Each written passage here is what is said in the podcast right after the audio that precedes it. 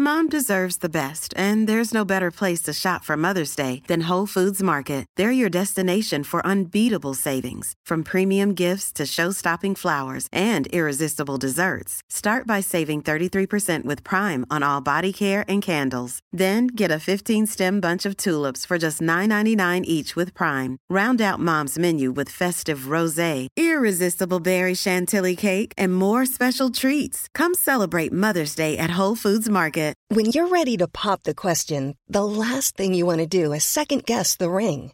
At Bluenile.com, you can design a one of a kind ring with the ease and convenience of shopping online. Choose your diamond and setting. When you find the one, you'll get it delivered right to your door. Go to Bluenile.com and use promo code LISTEN to get $50 off your purchase of $500 or more. That's code LISTEN at Bluenile.com for $50 off your purchase.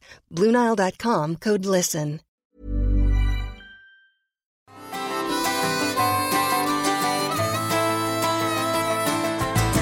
Hej och välkommen till Toppenjakt! Eh, Den här podcasten vi gör om jakt. Eh, Jag heter Kalle Zackari Wahlström och med mig har jag Lill-Ove och Pang-Anders. Hallå!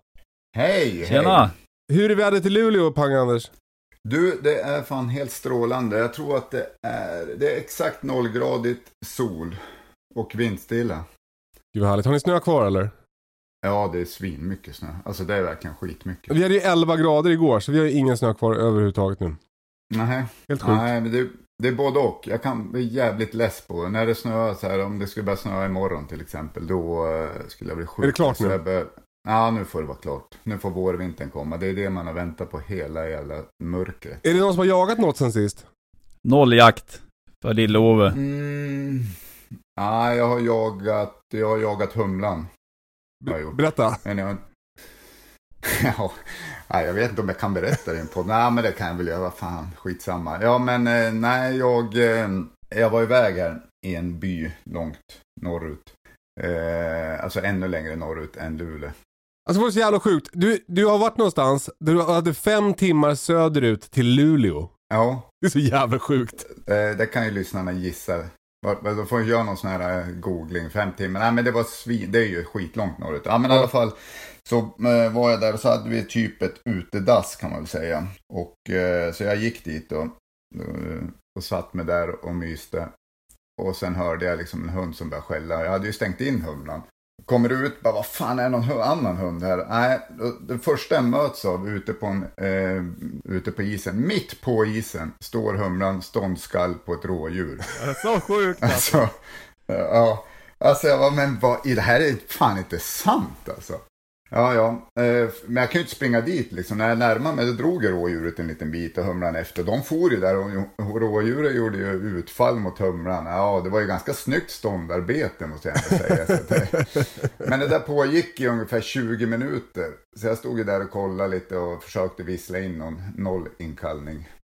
Eh, och sen det, sjuk, det här är det sjukaste som hände. Alltså till slut så kommer rådjuret rakt emot mig. Så jag tänker, ja, vad fan jag står stilla, de har inte sett mig liksom.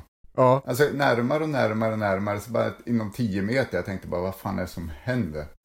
Ja, nej, då kommer det rakt till, fram till mig, tittar på mig, lägger sig en halv meter ifrån mig. Så jävla sjukt. Ja, lägger sig en halv meter ifrån mig, så jag tar ju bara humlan i nacken så här, nu är det bra, nu går vi. Så tittar typ jag och rådjuret på varandra. Ja men, ja, tack.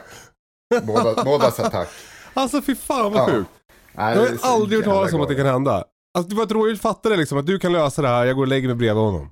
Ja, men det måste, men det, jag tror att det måste vara ett, ett tamt, rå- alltså det måste vara så pass tamt. Jag tror de liksom utfodrar.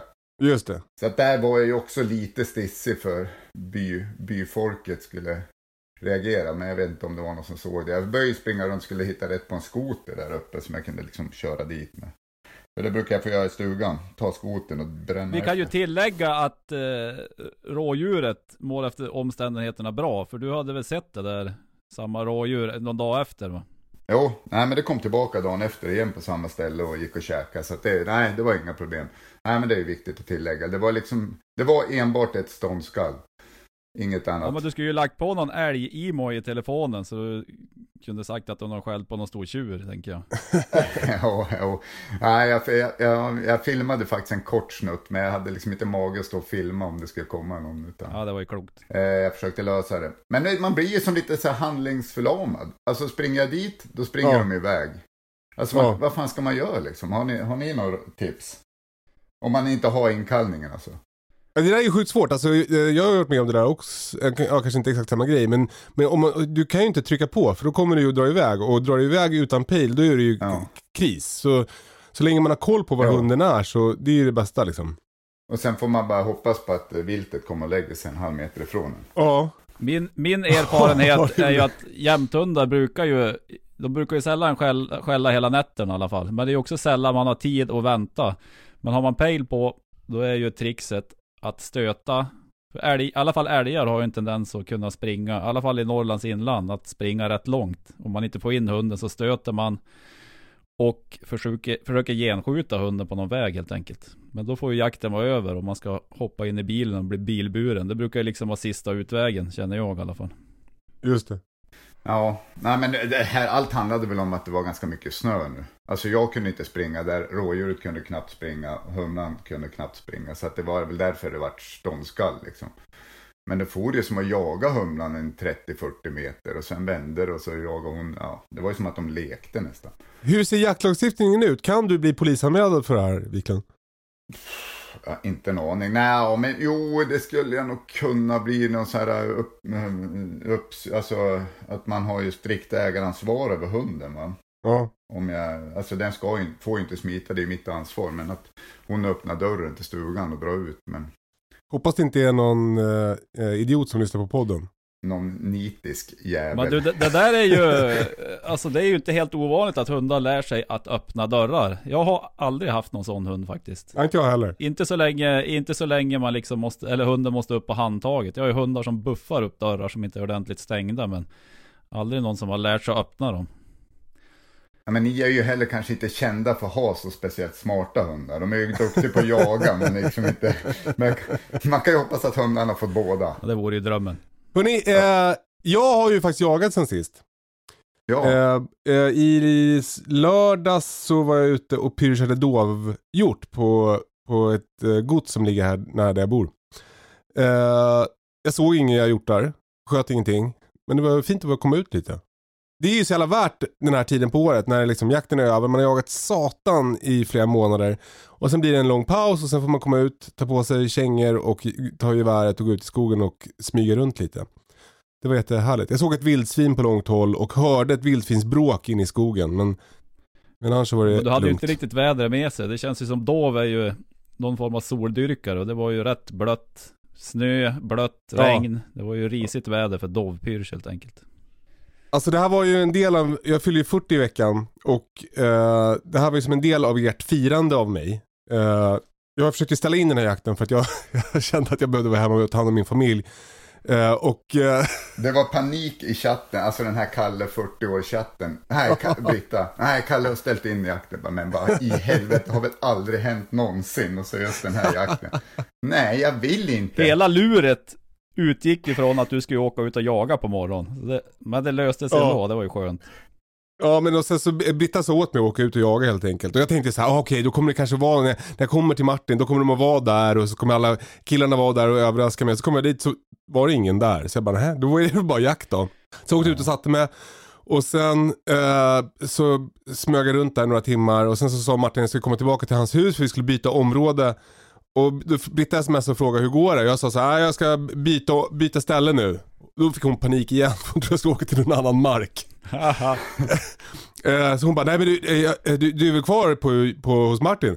Ja ja för fan. Så åkte jag tillbaka till Martins hus och då var ju ni allihopa där och överraskade mig. Det var ju väldigt mysigt. Då är jag glad. Ja men det var ju en härlig kväll. Ja det var det verkligen. Grymt härligt. Den här veckan har tagit ganska hårt på mig. Jag är fortfarande helt bucklig av allt firande. Men nu är jag 40. Ja, men nu är det 40 och det blir man ju bara en gång. Så det är, bara, men alltså, det är ju härligt att gasa på. Ja, eller hur? Eh, men nog om det. Eh, bara innan vi drar igång så har vi fått ett eh, mail eh, från, ja, nu har jag tappat bort namnet, men vi pratade ju sist om det här med att kartreka toppfågelmarker och även eh, ripmarker. Alla jaktmarker kan man egentligen kartreka. Då var det en som tipsade om Lantmäteriets app för där har de senaste uppdaterade satellitbilderna. Så där kan man planera sin jakt. Och det är särskilt bra om man vill se status på hyggen och sånt. Så det är ett, ett bra tips till alla som lyssnar som vill kartreka inför sin jakt. Lantmäteriets app alltså. Är det någon som har testat den? Eh, fan har jag det? Jag, kan, jag vet att, eller så har jag bara varit inne och reka på, på datan. Nej, jag, jag, Men- jag har inte testat den, men när man vill, alltså, ja du har ju också Kalle varit med mig på älgmarker som vi aldrig varit på tidigare. Då sitter man i bilen, det är kolsvart och så ska man jaga dagen efter och så försöker man Ja. fundera på vart man ska släppa hund och passkyttar och så tror man att det är ett hygge där man ska sätta ut en passkytt och så visar det sig vara en, ja, en plantering där man inte ser ett skit. Ja. Så uppdaterade Ja. satellitbilder, det måste ju vara magiskt om man har en orekad mark tänker jag. Jag har ju Lars som rekar åt mig. Jag brukar aldrig reka själv. Utan jag fokar som bara på jakten. Och så Lars får liksom, ja, får köra markservicen med allt annat. Ja men vi har ju en sponsor den här veckan också. Och eh, den här veckan är det valostore.se. Och eh, jag har ju alltså flera pannlampor från dem. Men den jag kanske använder mest det är ju den som heter Kompass R.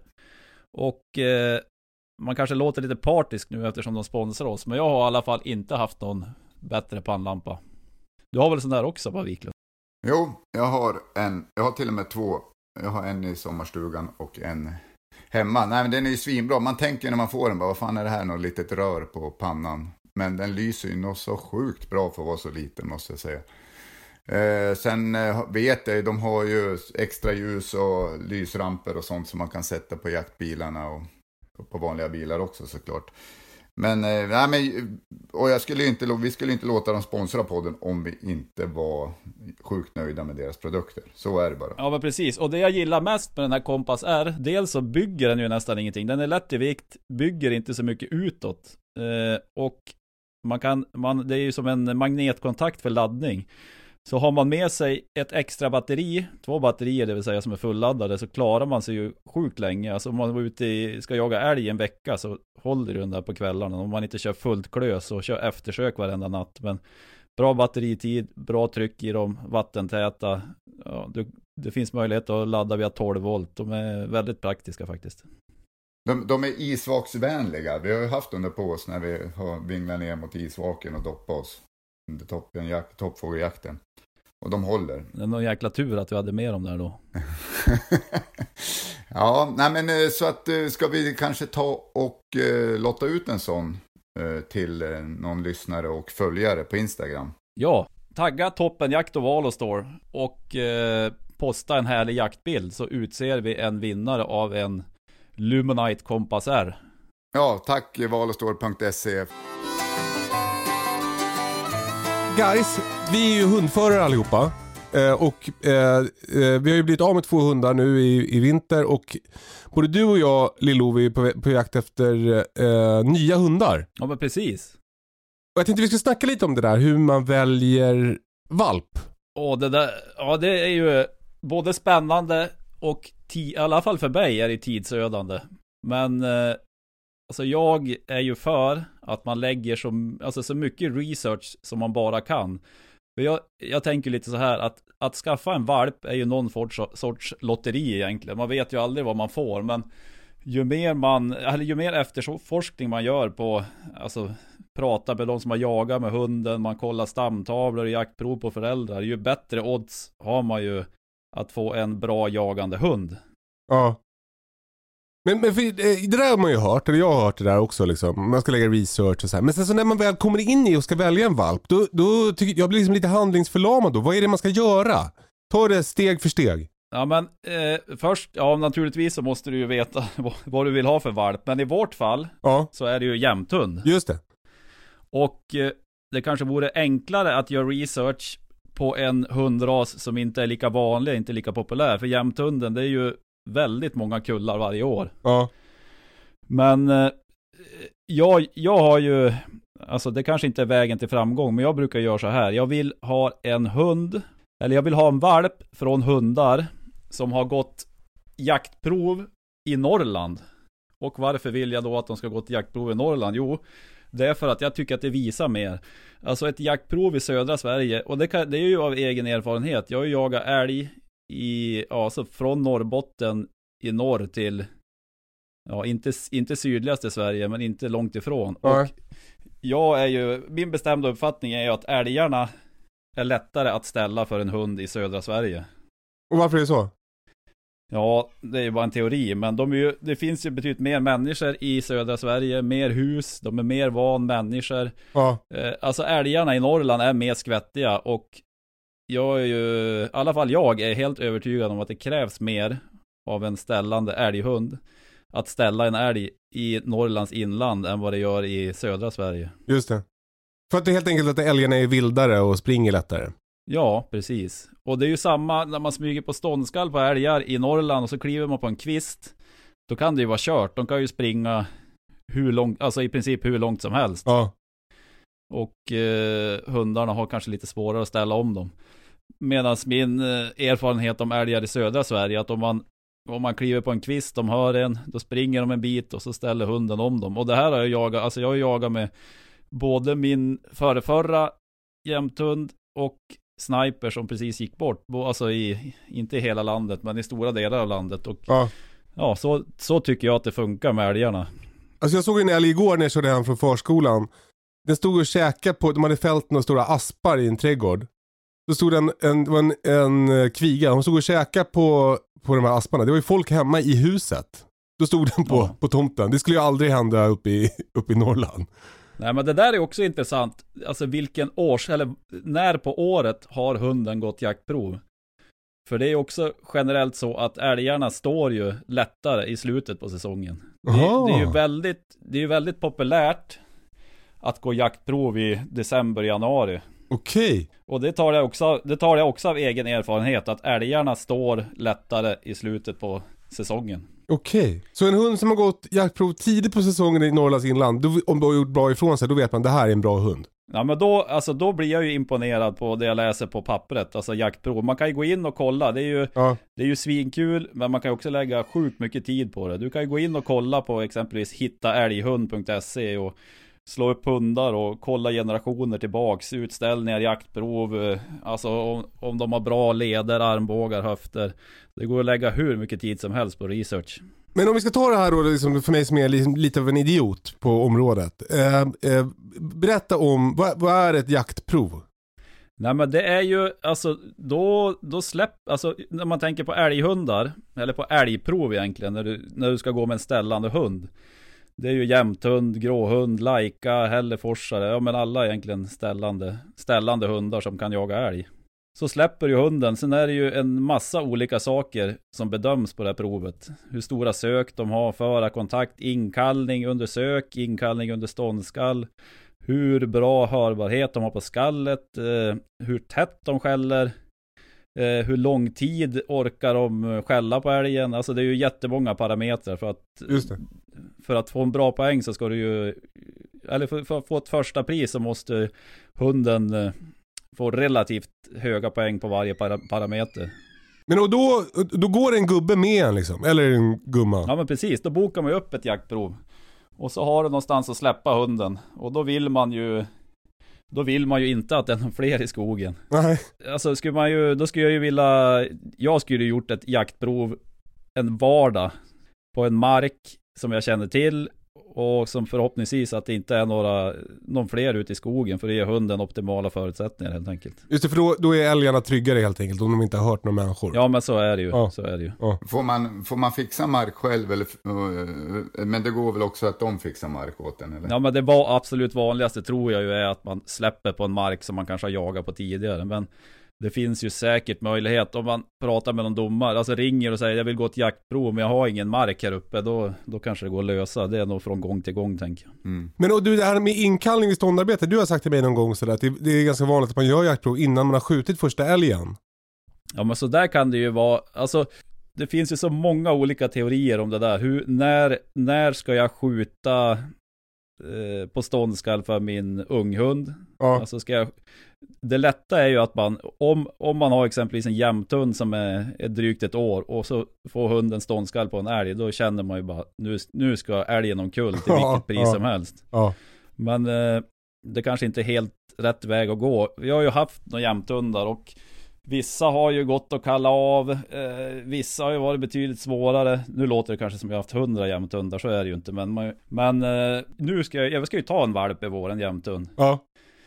Och den, op- det optimala vore ju naturligtvis att få jaga helt själv tillsammans med den här unghunden på en jättestor mark Ja. i Norrland, eller i Norrland. Där det, är, Ja. alltså, det är lite folk, det är ingen trafik, det är små vägar.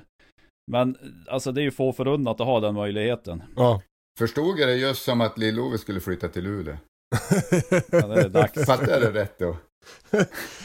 Ja, men det vore ju drömmen. Att eh, få jaga in en ung hund helt ostört. På Alltså, en älv längst upp i, i Sverige, den ställer ett rådjur.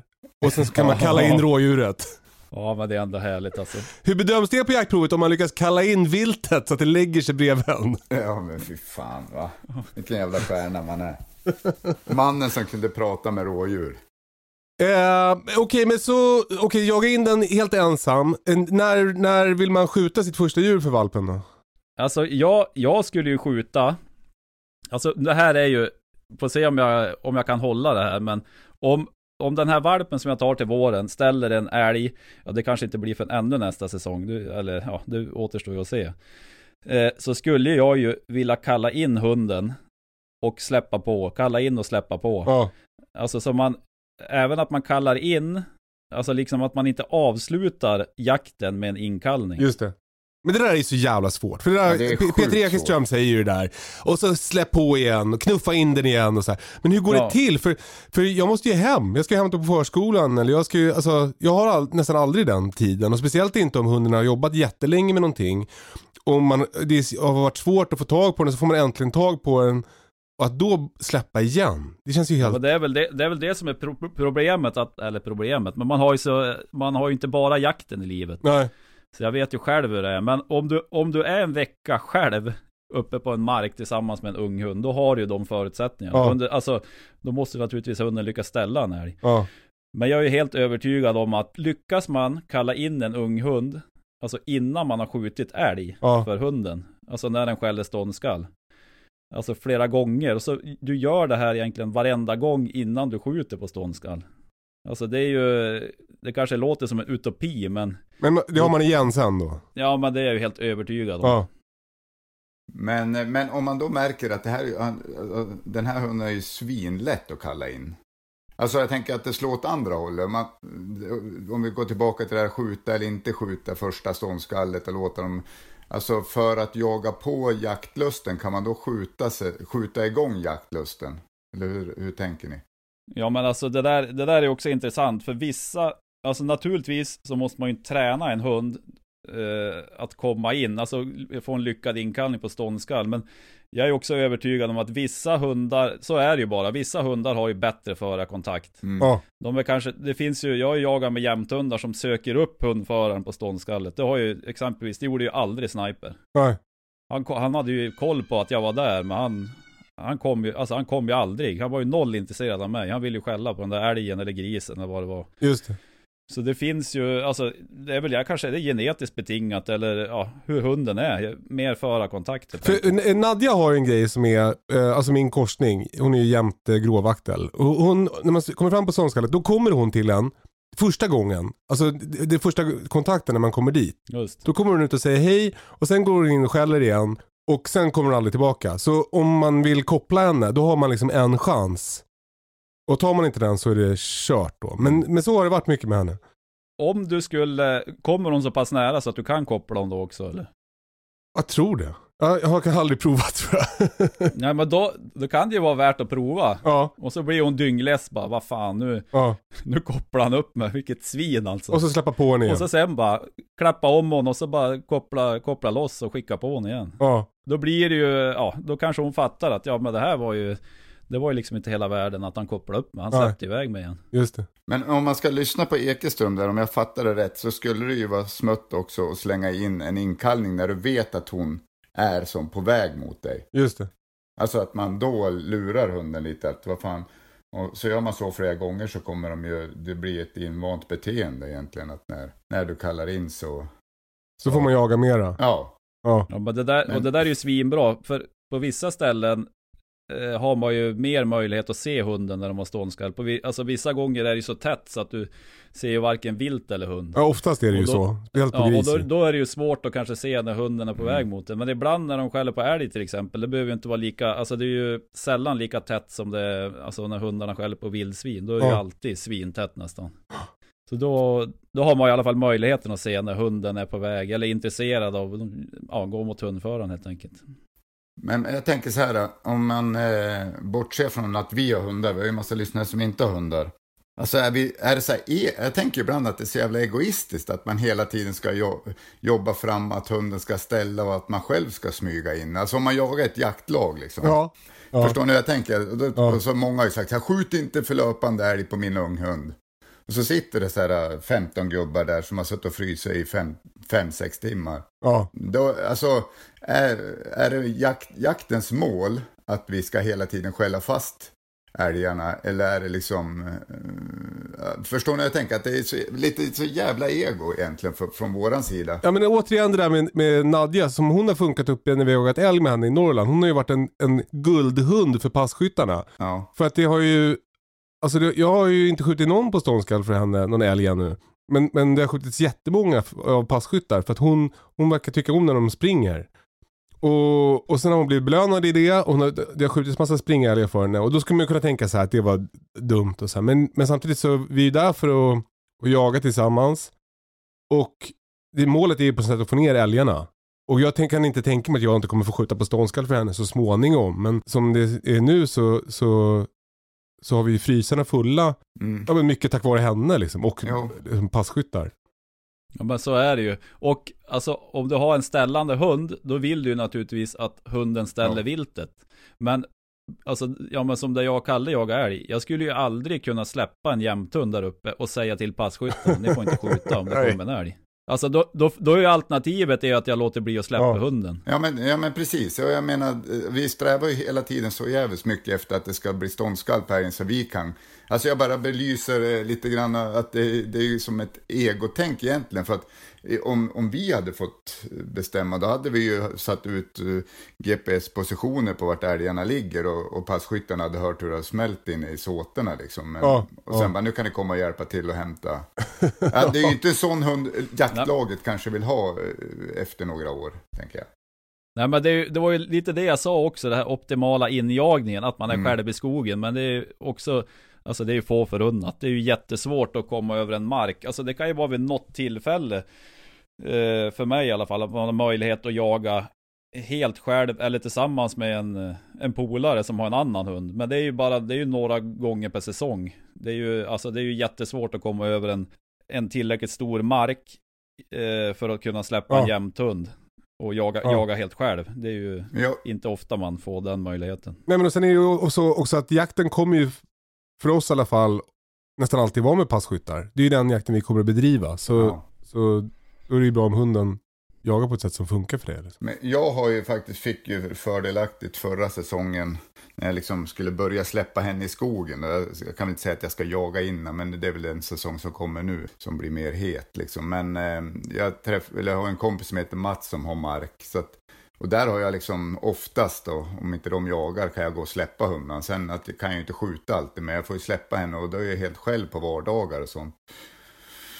Det där är väl optimalt att du får släppa men du får inte skjuta. Så då kommer det liksom inte att suktas att skjuta på ståndskallet. Utan, Nej, men precis. Mot, när säsongen lider mot sitt slut så blir de ju mer villiga att jag ska skjuta. Men, men Ja. än så länge har jag inte gjort det. Men, men, eh, så att det, det var ju helt fantastiskt. Alltså det, är ju, men det är ju inte alla som har det så. Och jag, och jag gick ju ner i procent på jobbet så jag hade ju ledigt en dag i veckan då jag egentligen bara släppte hund. Ja, kul. Drömtillvaro. Men du, det här kanske man kommer få ångra att man säger, men den där möjligheten finns ju. Eh, att vara helt själv. Om du inte har möjligheten att jaga helt själv och du har en eh, ställande hund som du jättegärna skulle vilja gå på en mark där du får vara helt själv. Då finns det ju, alltså det finns ju stora skogsbolag, bland annat SCA som eh, arrenderar ut marker. Det här är väl framförallt, ja, runt omkring där jag och Kalle jagar, eh, ja men Medelpad bland annat. Eh, och det är inte nödvändigtvis svindyrt att åka dit och jaga. Man kan ju boka upp en helg eller några veckodagar. Så det kan ju vara ett alternativ. Och det behöver liksom inte kosta skjortan heller. Och då har man ju möjligheten att åka dit helt själv med Ja, det där gjorde ju vi nu i, i, i höstas. Att vi, vi bokade väl, vad var det, tre dagar. Ja men precis. Och det var inte alls dyrt. Nej, nej. Det här lill-Ove för Nu kom det vara helvete. Jag satt här, men tyst! Ja men det Ja, där tycker ja. jag är fint att vi gör. Jag tycker vi ska dela med oss och sånt där. För det är så vanligt i jaktsvängen att man bara håller käften och inte ska berätta och det ska vara hemligt och man ska försöka lura varandra och så här. Jag tycker det är fint att vi är lite mer inkluderande. Ja, Ja. absolut. Ja. Men ni kan ju kolla på andra hemsidor än. SCAs också om ni har tänkt där. Så kanske det finns någon lucka för någon annan att Exakt. komma upp också. Eh, hörni, eh, eh, du och jag Larsson, vi har ju bestämt oss nu för att ta jämthundsvalpar till våren. Eh, men Wiklund, Ja. du tog ju en omplaceringshund för ett år sedan. Mm. Eh, hur gammal var Humlan när du, när du fick henne? Eh, var hon 17 veckor tror jag? Hon Just det. Var, visst var hon något sånt? Jo. Det är ju nästan att hon är valp, för man brukar ju få dem när de är ja, 8-9 fan var veckor. hon 17 veckor. Jo, hon är född, hon är född i februari och hämtade hon i juli. Ja. Ja. Mot eh, Larssons, eh, Lill-Oves rekommendation. Det är första gången jag gått emot den. ja men berätta hur du tänkte då, och berätta hur du tänkte Larsson. Nej men jag, alltså vad fan, du vet jag tänkte inte så heller. Alltså jag höll på här och rodda om jag skulle skaffa hund eller inte. Och sen fick jag som okej från familjen, det blir bra liksom. Är, man måste ju också ta hänsyn, alla måste ju vara med på det. Man kan ju inte köra Ja. ett eget race med en hund liksom, det Nej. går inte. Eh, men, eh, och då var det ju som att jag bara in på Blocket, in på alla olika Facebook-sidor om placeringar och eh, för jag, jag resonerar lite så att eh, jag inte vill ha någon, jätte, alltså någon, någon valp. Jag har haft liksom hundar och jag vet valp, valp det känns som jävligt jobbigt alltså.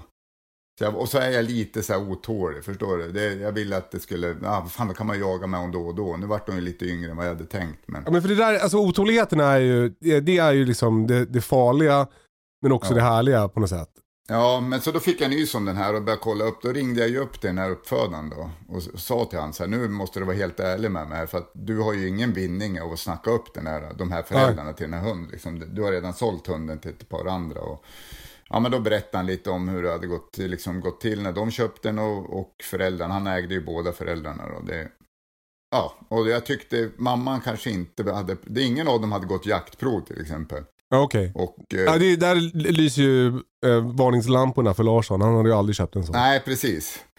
Eh, farsan var en import från Finland. Han ville ha en jaktidiot. Han, liksom, och hade fått för mycket jaktidiot i honom. Eh, Oj då. ma- tiken var väl eh, helt Alltså okej. Hade ju för haft dem- skön kuk. För mycket jakt. ja, för mycket jakt. Ja.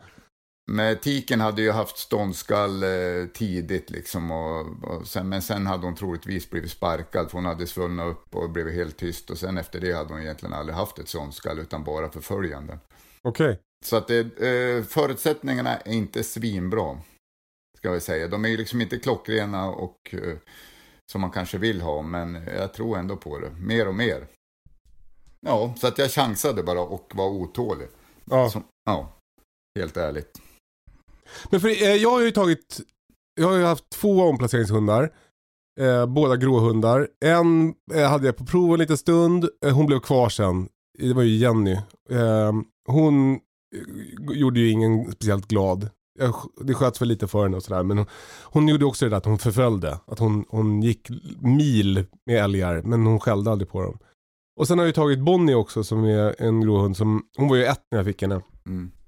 Eh, och hon, jag tror att hon hade blivit kvar för att hon var för vek. För hon- är jätte, eh, liksom, eh, timid hemma.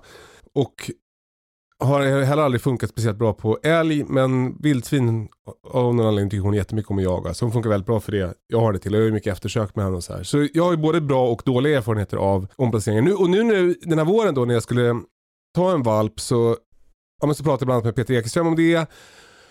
Och jag har ju småbarn och ja, det har ju ni också. Men, men, och, och han var så här, ska du inte ta en omplacering? Och så fick jag nys om en jämthund som skulle omplaceras, som bodde i Norduppland. Men när man pratar med den som skulle bli, bli av med sig, man, man får ju känslan av så här, man ger ju inte bort världens bästa hund. Nej. Oavsett vad det beror på. Alltså, och, om, och nu var det att den beslogs med någon annan hund i familjen och så här. Eh, och, och det kan ju vara ett problem. Men är det liksom den bästa jakthunden någonsin så kommer man inte att ge bort den. Så är det ju liksom. Nej, om, om man liksom inte har blivit... Alltså det har jag läst någonstans och, lite, och liksom hugg, försökt hugga på de hundarna som har blivit på grund av att husse har gått bort, matte har gått bort eller skador, sjukdomar. Där någonstans är det ju... Ja men då Alltså- tänker jag så här, är det världens bästa jakthund då kommer det vara någon som har jagat med hunden förut som kommer att vilja ha Ja, den. Alltså, ja, det att det känns så svårt, oddsen för att man ska få dem där. Så då, då och, och sen har jag, ja men i den här processen också blivit liksom lockad att köpa en Laika-valp från Finland, fick jag erbjudande om nu och så här. Men då kändes det så skönt att bara, för jag har ju också det där otåliga, att jag vill ju ha allt genast liksom. Men då kändes det så skönt att bara att backa ett steg och tänka så här, jo men det, det jag ville ha från början var ju en jämthundsvalp. Så nu kommer jag att köra på det oavsett vad som händer. Och hitta någon slags lugn i det liksom. Det, det tycker jag, det kändes härligt för mig den här gången i alla fall. Ja, och du sitter ju inte i sjön heller, liksom. du har ju ändå eh, tre hundar. Ja men exakt. Alltså, så att, eh, men nej, jag tror, ja, men jag tror inte, alltså om man bara får reda på vad problemet är, om man ser till brukshundar som omplaceras eller eh, då, alltså jag tror att det, när de kommer i nya miljöer och man vet vad problemet är så tror jag att det är enklare att förändra dem än att, eh, alltså de kanske har fastnat i ett visst mönster hos sin tidigare ägare också. Just det. Alltså ett dåligt, ett dåligt sök hos en hund, när den söker ut för dåligt. Det kan ju bli så att när man, när man får en ny förare liksom, och inte byggt upp den relationen, att det blir ett större sök då. Ja. kanske. Men det är ju, det är ju svinintressant med omplaceringar. Och eh, ja, ja, humlan är ju, ja det är ju typ en omplacering. Men hon Ja. var ju så pass ung. Men om man, alltså de rekommendationer, om man ska ta en omplacering, eh, alltså en jakthund. Då skulle jag rekommendera att du får låna hunden och jaga med den. Ja. För det är det ni ska göra tillsammans sen. Ja, och även det här, man vet ju inte, det kan ju vara lurigt om det har varit, alltså det behöver ju inte nödvändigtvis vara så, men eh, om det är en hund som aldrig har träffat barn och så har du barn själv, det är ju kanske, det är ju långt ifrån säkert att det Ja. kommer att funka. Och då är man ju knappast intresserad att ta den här hunden om det inte funkar med ens Nej. egna barn. Nej, men jag tror, jag tror att man, som Kalle sa, att man ska vara mer på sin vakt om det inte bely, alltså att de inte belyser något problem med hunden. Ja. Alltså, det är ju det är mer, jag skulle vara mer trygg av att höra no, eh, förra ägaren säga nej, jag tycker att den får fast älgarna för dåligt eller det är ett problem att den bi, har bitit mina barn eller Just än att det. det är liksom så här, nej vi har inte riktigt den tid vi behöver med den här hunden. Och det är ju, då är det ju högst jävla oklart vad det är för hund egentligen. Ja. Men sen får man ju ha skillnad på omplacering. Det finns ju också folk som säljer färdiga jaktchampions. Men då kan Ja, du få oh. betala, beroende på hur gammal, då kan du få betala 60 000 för en jämthund. Så det är ju en Nej, såg- jäkla skillnad. jag såg någon Då är det grå ju- hund som var alltså, ute så Man nu. ser skillnad på en omplacering och en försäljning. För det kan ju också vara att du får betala en slant för en omplacering. Men du kommer ju sannolikt inte behöva betala 60 000. För det finns, ja men precis som vi säger, det finns ju oftast en anledning till att de inte vill ha kvar hunden. Och det kanske är en anledning som inte är så här supersmickrande tänker jag. Nej. Ehm, Va, va, Larsson, vad är status på våra valpar? Har du hört något?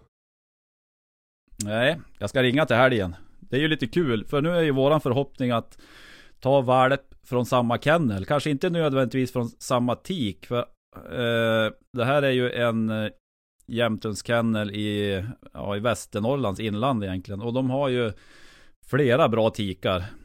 Och oklart, eventuellt har en tik gått tom. Sen har han ju även någon hane som man ska para med någon annan tik som också ser Ja. Alltså så, ja, så bra ut som det kan göra på jaktprov. Alltså kolla på pappret. Så det är ju alla de där parningarna tycker jag ser ju svinintressant ut. Så, eh, och de hade ju bland annat en tik med massa björnlinjer. Men det är väl hon som sannolikt har gått tom tyvärr. Just det. Ja för det vore ju kul att ha en hund som jagar björn också. Då får man ju som en jakt till. Ja men precis. Ja vi får se. Men det låter ju ändå positivt. Så eh, jag får återkomma efter samtalet i helgen. Jag fick lite ångest nu när du sa det där eh, Wiklund att, att, att familjen måste ju vara med på det. För jag är inte säker på att det är 100% förankrat i min familj det här med min Nej, jämthundsvalp. nej, men det, kan väl också vara det som är positivt med att ta en valp och inte en omplacering är att det är ju jävligt mycket gull Ja. Ja, Ja, i början ja. Ett trick där som jag kom på, det är ju, eh, eh, som jag delade med er, och kan ni lyssnare få också få, få dela, eh, att om ni börjar prata om ett hundnamn i familjen, så inte så här, vi ska skaffa en valp, utan så här, om vi skaffar en valp, vad skulle den heta då?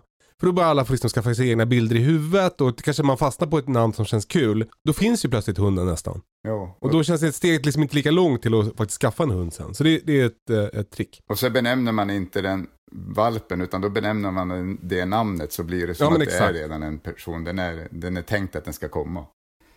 Vi har ju fått en, en fråga till, eh, eh, till Toppenjaktpodden. Eh, det är Kristin som undrar hur man får ihop livet med jakthundar och familj och sådär. Och, och, och vi har väl liksom varit inne lite på det. Det är ju inte helt enkelt. Nej, det är inte det. Vi har ju fått eh, alltså, mycket frågor hur mycket jag, ni jagar så jävla mycket. Men, men det man ska ha klart för sig på ett, också innan vi börjar gå in på det här, är ju att vi är fem stycken på Instagram-kontot. Alltså det är Ja men och sen är det alltid lurigt med Instagram eftersom Ja. vi lägger ju bara ut grejer som handlar om jakt. Så då Ja. tror man att vi alltid jagar. Men vi har ju massa grejer som vi inte lägger ut. Ja. Typ när vi byter bajsblöjor och, och liksom Men bråkar med jag kan ju säga, jag kan ju säga mitt eh, upplägg kring jakt, det är ju att, eh, alltså förut jagade jag ju väldigt mycket, i princip året om. Det var ju typ eh, skyddsjakt på gris, man satt på åtel och det var eh, bäver och vårbock och, men nu har jag ju dragit ordentligt i handbromsen. Jag jagar ju väldigt lite när man inte får släppa hund. Ja. Och det, alltså jag lägger ju, alltså jag har ju inte, jag har ju barn, jobb, ja, som alla andra, eller ja, som många har. Och eh, jag har liksom inte möjligheten att hålla igång det här året runt. Så jag försöker ju prioritera när, från, ja, från september, första älgjaktsveckan och försöka jaga så mycket det går till sista januari när jag inte får släppa hund längre. Just det. Nej men sådär, så är det för mig också. Jag tycker ju hundjakten är den roligaste. Så då får man ju lägga sin tid då. Mm. Ja, men det är ju ett kompromissande ändå. Alltså man, de, alltså man fattar ju att familjen gör ju en uppoffring. Alltså, om vi är borta en vecka, vi är här och sen en vecka där. Alltså det är ju, Ja. det är ju inte helt enkelt. Nu börjar mina barn bli lite äldre i alla fall. Men, men, eh, och där någonstans måste man inse själv också att det här är ju inte rimligt att jag ska dra iväg igen nu. Liksom det, Nej. det är ju ett stort egotänk. Det, det Ja. kan vi inte säga, alla vi är ju liksom ego när det gäller jakten, så är det ju bara. Ja. Ja men, det var det. Men- Men, du, jag kan ju säga, ja fortsätt nej, men jag kan, jag kan tycka, nu pratar jag som att humlan är en färdig jakthund, det är hon inte, men att det har blivit enklare att komma iväg när jag har henne. Att det finns liksom familjen mer tycker att det är, det är bra att hon kommer ut och Ja exakt, och kommer hem trött kommer och så. iväg kanske. men, ja men exakt. det är men- som att man, man skapar ett problem när man skaffar jakthundar med understimulerade jakthundar. Och sen så är lösningen på det är jakt. Ja, Och det är ju som ett, alltså, det, det är som ett lur på ett sätt. För att om hunden inte fanns så skulle man inte ha det problemet. Nej men precis. Och sen att nu är det ju liksom få förunnat kanske att ha jaktmarker så nära som, som nu den Mats mark, att jag kan åka och släppa där. Och, Ja, Och det blir ju att man är ute borta över dagen bara är ju en helt annan sak än att, att man ska åka bort som vi har gjort förut mycket veckor liksom borta. just det. Ja men precis, för det, för det tycker jag är också en framgång det där som, eftersom jag inte har ett vanligt jobb riktigt på samma sätt som många andra. Så att jaga vardagar är ju är det perfekta, för då har man ju barnomsorg. Så då, det får man inte säga va? Nej, Fan! men eh, du jobbar ju, för du filmar ju lite kanske. Ja men exakt, Ja. exakt. Det här, är- alltså jakten är ju ett jobb också. Ja.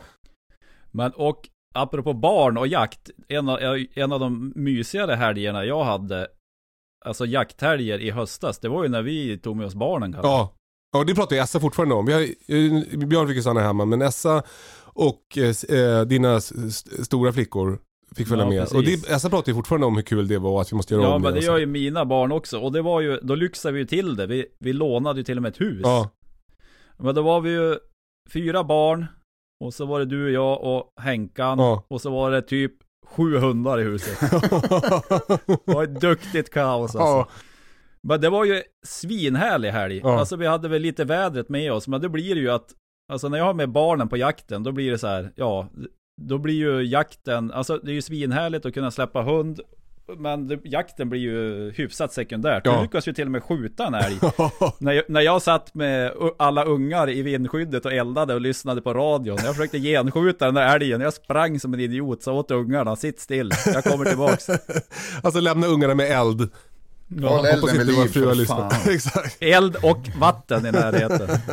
Men, na, Eh. men jag, jag, jag, tycker att, eh, jag tycker att det kan vara svårt ibland. Ja. Alltså, för att jag, jag, man måste ju prioritera bort andra grejer. Så är det ju bara. Liksom, nu, pool, nu hade jag någon kompis som frågade om jag skulle med till Riksgränsen och åka skidor nu. Och, liksom, och då känner jag att nej, vad fan, jag kan inte jag kan inte dra, vara med på allt när jag lägger så mycket tid på jakt liksom. Nej. Men, men där någonstans när sommaren börjar, och man har varit med familjen hela, alltså jättelänge och man har liksom försökt att kompensera ändå lite grann. Det gör man ju ändå ehm, för att man åker iväg så mycket på hösten. Så går man ju lite på, alltså det, det tär ju lite grann också på något sätt. Eller tycker inte ni det? Jo men så är det ju och det, det, är liksom, det är skönt att komma iväg. Men eh, en utmaning som jag tycker man har det är ju att eftersom vi har den här hobbyn, jakten drar ju på något sätt i en. Och för att, att liksom eh, eh, Britta, min fru, ska komma iväg på samma sätt. Hon har kanske inget som drar på samma sätt. Så då måste hon jobba lite mer för att komma iväg. Eller jag kanske måste hjälpa henne och, och påminna henne om att hon också kan åka iväg. För, för hon har ju inte varit borta alls lika många nätter som jag liksom, Nej. Under året. Och det, det, kanske, det skapar ju en, en obalans i, i relationen. Vare sig man vill eller inte. Nej, men precis. Men det där, känner, det där känner jag ju igen. Eh, Det är ju samma med min fru. Hon är ju, alltså hon är ju inte borta lika mycket som jag är. Dels så är jag ju borta med jobbet, sen mer än vad hon är borta med sitt jobb. Sen är jag borta med jakten. Ja. Men det har, jag, också- det har jag också sagt till mig själv att jag kommer ju aldrig, aldrig ens tänka tanken och säga nej om min fru vill hitta på Nej, någonting. nej. För jag vet ju att eh, jag är ju borta så sjukt mycket mer än vad hon är. Så Ja. alltså, om hon kommer och säger bara jag vill åka med några polare, jag kommer borta den här helgen. Då, är det, då gör jag ju allt för att lösa det. Ja då är det bara att ställa in Att de allt. så kan att åka ja, iväg. Ja men exakt. Även om Ja, det jag är jakt den helgen. Ja, alltså, ja, ja. Ja. Nej, men jag, jag håller med dig. Nej, men, men, Om, det eh, inte, om det inte är någon jättespännande jakt på gång. Då kanske det blir en diskussion. Nej men jag försöker verkligen att, att tänka så. Ja. Hörni vad mysigt det är att prata med er men vi måste sluta nu. ja, ja, och så, ja då vi får väl säga tack till valostål.se då. Och om ni, om ni har, inte har en pannlampa eller en dålig pannlampa, så är det någonting ni ska köpa från valostål.se så är det ju en Lumonite Compass R. Och blir ni missnöjd får ni höra av er till Lill-Ove. Inte till Valostål. Nu är det jag som har sagt att den är svinbra. Och det, det håller jag fast vid. och går Lill-Ove är god för något, då är det fan bra alltså. Då är det bra skit. Ja. Eh, följ oss på Instagram, toppenjakt, eh, skicka DMs. Eh, vi, nästa vecka ska vi svara på ännu mer frågor som ni har skickat in till oss. Eh, ni kan också mejla toppenjakt.gmail.com. Eh, ha det så bra så länge och hoppas ni får jaga något i veckan. Puss och kram, hej! Hej. hej då!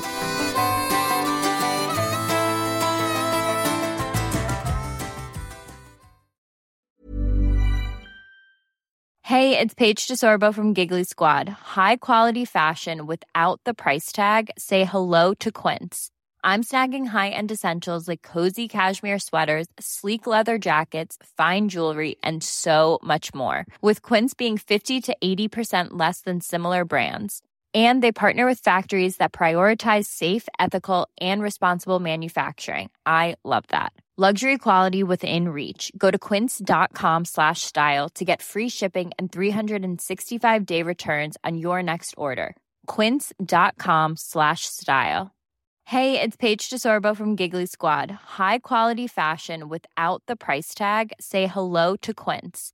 I'm snagging high-end essentials like cozy cashmere sweaters, sleek leather jackets, fine jewelry, and so much more. With Quince being 50 to 80% less than similar brands. And they partner with factories that prioritize safe, ethical, and responsible manufacturing. I love that. Luxury quality within reach. Go to quince.com slash style to get free shipping and 365 day returns on your next order. Quince.com slash style.